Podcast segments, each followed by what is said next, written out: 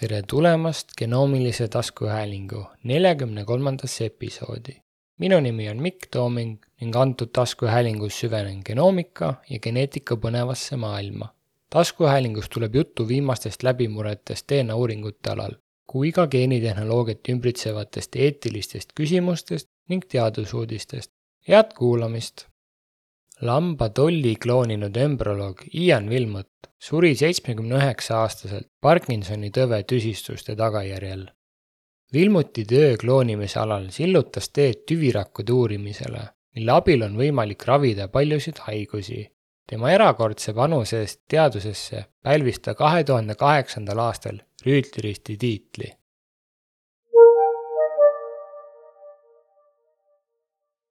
Hiina teadlased on edukalt loonud kimäärilisi embrüoid nii inim- kui ka searakkudega, mille tulemusel on asendussigade emadel tekkinud humaniseeritud neerud.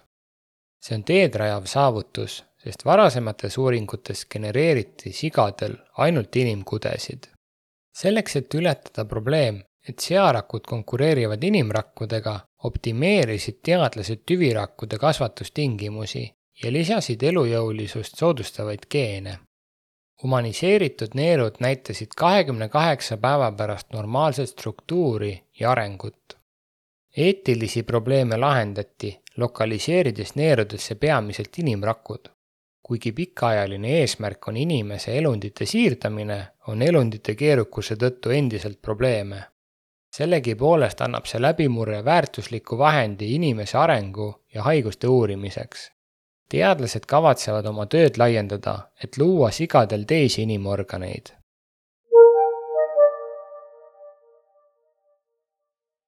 ajakirjas JAMA Oncology avaldatud uuringus soovitatakse, et testieelne nõustamine kõigile patsientidele ja testijärgne nõustamine neile, kellel ei ole patogeenseid vähiriski variante, võiks vähendada takistusi geneetilise sõeluuringu läbiviimisel inimestel, kellel on päriliku rinna ja munasarjavähi risk.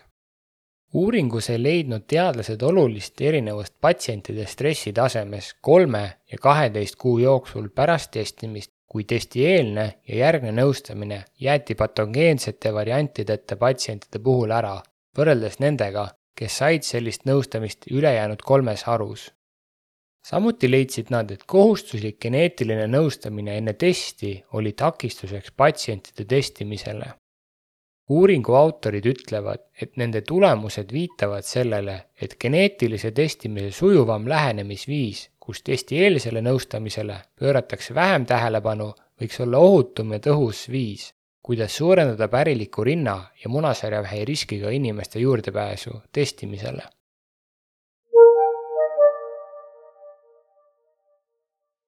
Lancetis avaldatud uuringus uuriti, kuidas perekondlike vähisündroomide penetratsioon, tõenäosus haigestuda vähki, varieerub sõltuvalt perekonna anamneesist.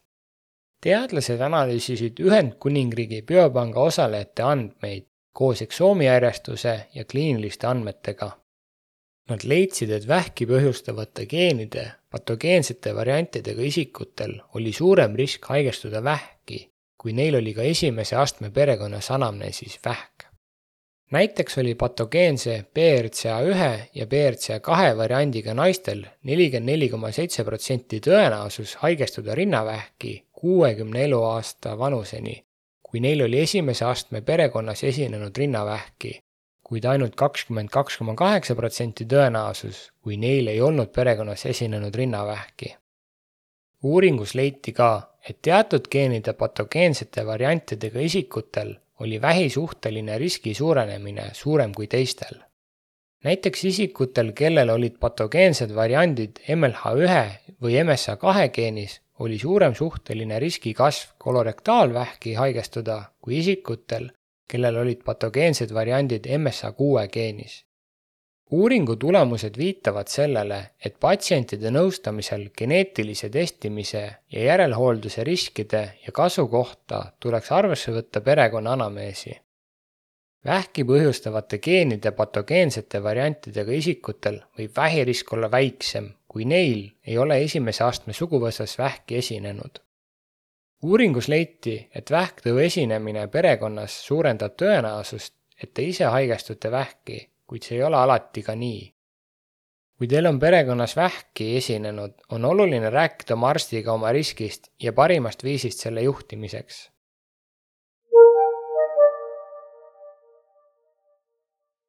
Natera käivitab uuringu Signatera MRD testi kasutamiseks, et jälgida rinnavähi patsientide vastust neoadjuvantravile. Uuringus kasutatakse Signatera testi, et jälgida kuuesaja patsiendi ctDNA taset reaalajas. teadlased loodavad teada saada, kuidas saab ctDNA-d kasutada ravivastuse prognoosimiseks ja raviotsuse suunamiseks. see võib aidata parandada patsientide tulemusi ja vähendada retsidiivide riski.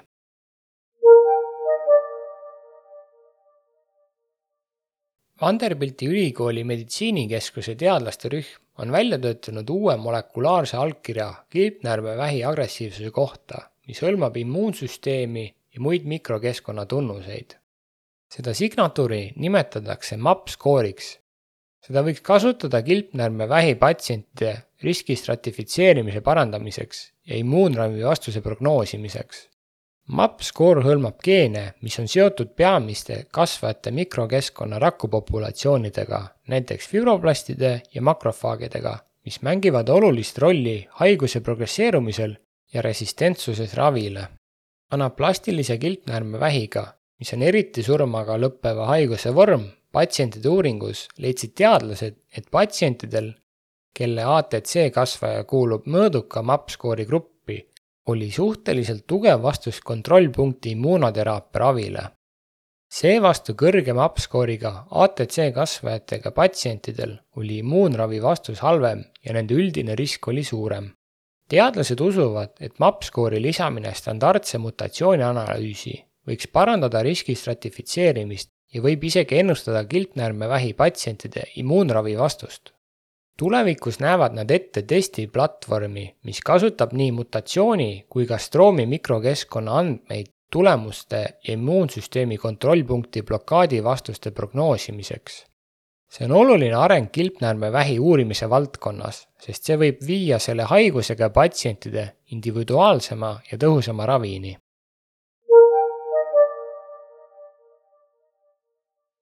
Ameerika Ühendkuningriikide Rahvuslik Tervishoiu Instituut asutab uue konsortsiumi, et edendada multiomiksite andmete genereerimist ja analüüsi inimese terviseuuringute jaoks. multioomika viitab mitme erineva tüüpi andmete, sealhulgas genoomika, epigenoomika, transkriptoomika, proteoomika ja metaboloomika integreerimisele. see lähenemisviis võib anda holistilisema ülevaate molekulaarsetest teguritest ja rakuprotsessidest mis on seotud inimese tervisega, sealhulgas geneetiliste ja mittegeneetiliste tegurite lahtiharutamine tervises ja haigustes. uus programm nimega Multiomics for Health and Disease Consortium saab järgmise viie aasta jooksul umbes viiskümmend koma kolm miljonit dollarit.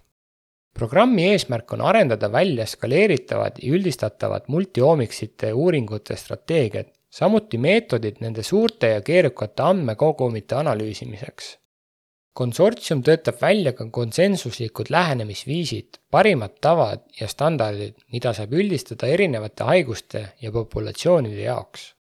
lisaks sellele toob see ühtlustatud ja harmoniseeritud andmekogu üldkasutamiseks, samuti visualiseerimise portaali. keskused värbavad uuringute osalejad, kellest vähemalt seitsekümmend viis protsenti on pärit genoomika uuringutes alaesindatud esivanemate taustaga keskused koguvad andmeid ka osalejate keskkonna ja tervise sotsiaalsete määrete kohta, et neid andmetega koos kasutada.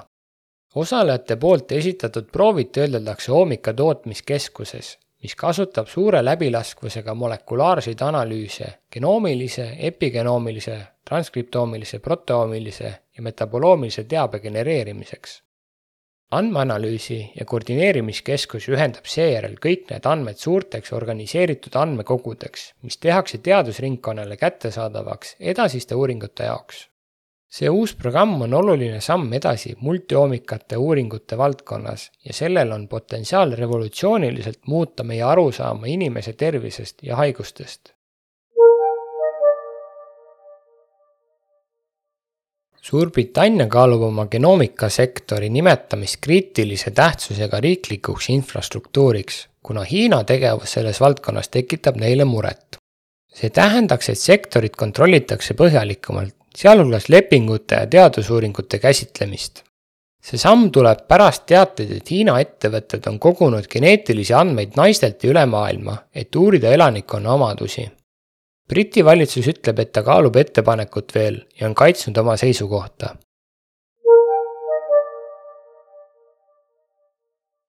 NICER on uus genoomi redigeerimise tehnika, mis põhineb mitmete väljalõigete loomisel üksikutes DNA suundades nikaaside abil. selle meetodiga saab parandada heterosügootseid mutatsioone, kasutades kahte mehhanismi, kas-üheksa nikaasi poolt indutseeritud mitut väljalõiget ja homoloogilist kromosoomi kui endogeenset parandamismetoodikat. NICER on heterosügootsete mutatsioonide parandamisel sama tõhus kui CRISPR-Cas9 kuid vähendab oluliselt soovimatute mutatsioonide esinemist. see on tingitud sellest, et NICER ei hõlma DNA kahesuunalist katkestust, mis on altimad tahtmatutele genoomi muutustele. Nature Communicationsis avaldatud uuringus kasutasid teadlased NICER-i heterosügootse mutatsiooni korrigeerimiseks geenist TK1 inimese lümfoplastide rakke. Nad leidsid, et NICER oli võimeline taastama TK1 aktiivsust suure kiirusega ja minimaalsete sihtmuudatustega. teadlased katsetasid NICER-it ka rakkudel, mis on saadud geneetilistest haigustest, mis hõlmavad kombineeritud heterosügootseid mutatsioone. Nad leidsid, et NICER suutis nende rakkudes taastada haigust põhjustavate geenide ekspressiooni. kokkuvõttes viitavad uuringud sellele, et NICER on ohutu ja tõhus uus genoomi redigeerimise meetod heterosügootsete mutatsioonide korrigeerimiseks see võib olla paljulubav lähenemisviis heterosügootiliste mutatsioonide põhjustatud geneetiliste haiguste raviks.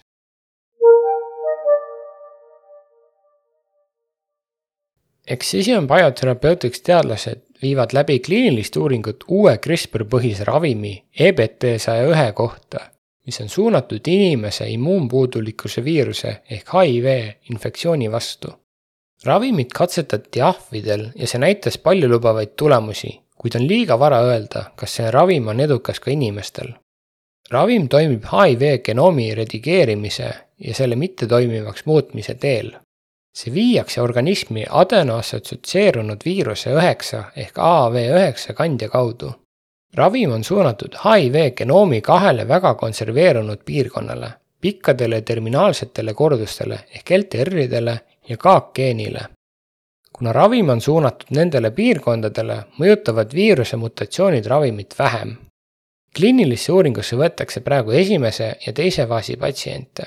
Selle etapi eesmärk on hinnata ravimi ohutust ja taluvust HIV positiivsetel patsientidel. kui ravim on ohutu ja hästi talutav, liigutakse edasi uuringu kolmandasse faasi, kus hinnatakse selle tõhusust. EBT sada üks edukas kliiniline uuring võib olla suur läbimurre võitluses HIV vastu see võib pakkuda haiguse ühekordset ravi, mis oleks märkimisväärne edasiminek võrreldes praeguse ravistandardiga, mille kohaselt peavad patsiendid võtma retroviirusvastaseid ravimeid kogu elu.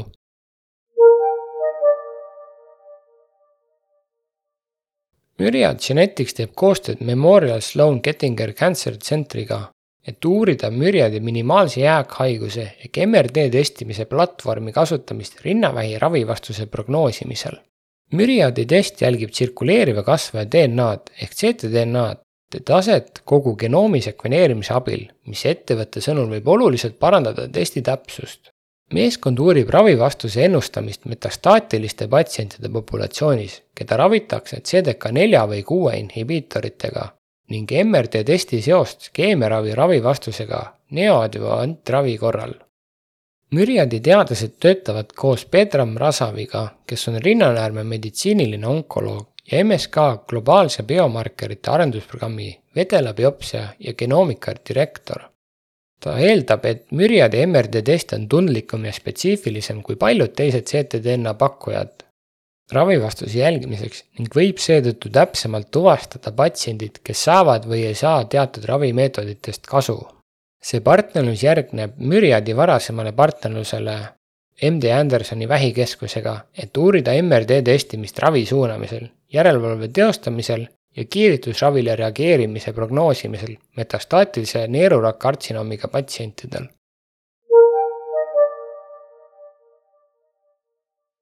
Broken String Technologies, mis on Ühendkuningriigi idufirma, mis arendab vahendeid DNA katkestuste kaardistamiseks, kaasas viisteist miljonit dollarit oma InduceSec tehnoloogia arendamiseks ja turustamiseks InduceSec võimaldab täpselt ja põhjalikult kaardistada DNA katkestusi, mis on oluline geenitöötlusravi ohutuse hindamiseks.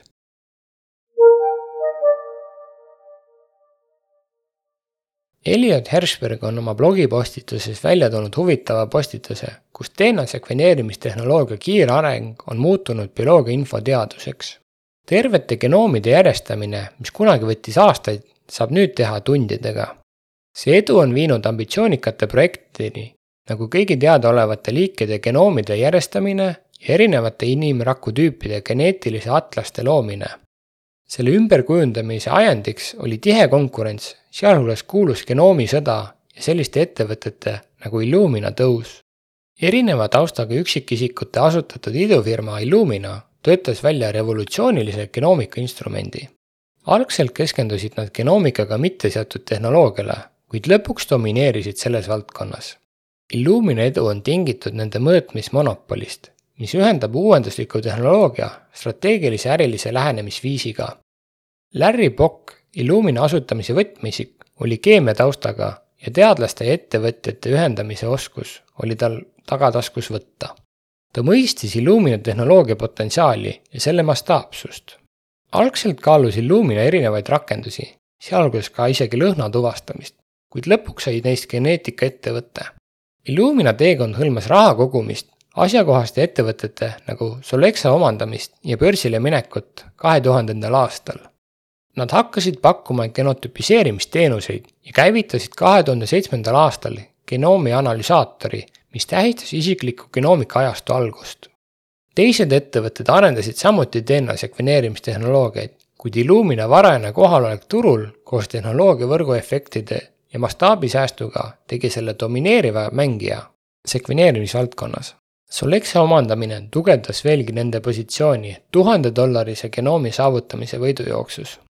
Illumina turgu valitsevat seisundit saab seletada Hamilton-Helmeri seitsme Powersi raamistiku abil äristrateegia analüüsimiseks. esiteks, Illumina omas väärtuslikku keemia ja riistvaralist intellektuaalomandit. Genoomikakeskused ja laborid eelistasid enda Illumina tehnoloogia juurde kuna muutmisega kaasnesid suuremad kulud ja jõupingutused. kolmandaks, Illumina tehnoloogiast sai standardprotokoll, mis tõi kaasa kliendibaasi suurenemise. neljandaks, Illumina suuremahuline tootmine alandas kulusid, muutes konkurentide turule sisenemise väga keeruliseks.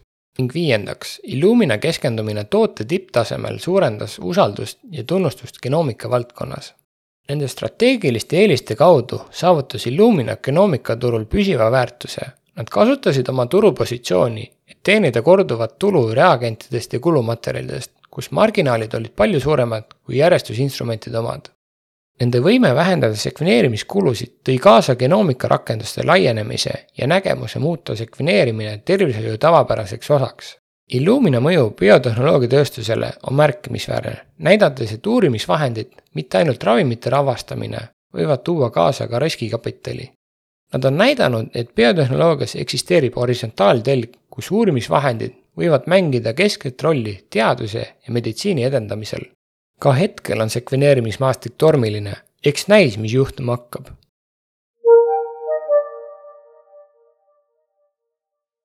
kui märkasid mõnda huvitavat uudist või soovid genoomilise pusa või sul on küsimusi, saad mulle kirjutada genoomiline at gmail.com. leiad mind ka Instagramist. tänan, et olid minuga ja head sekveneerimist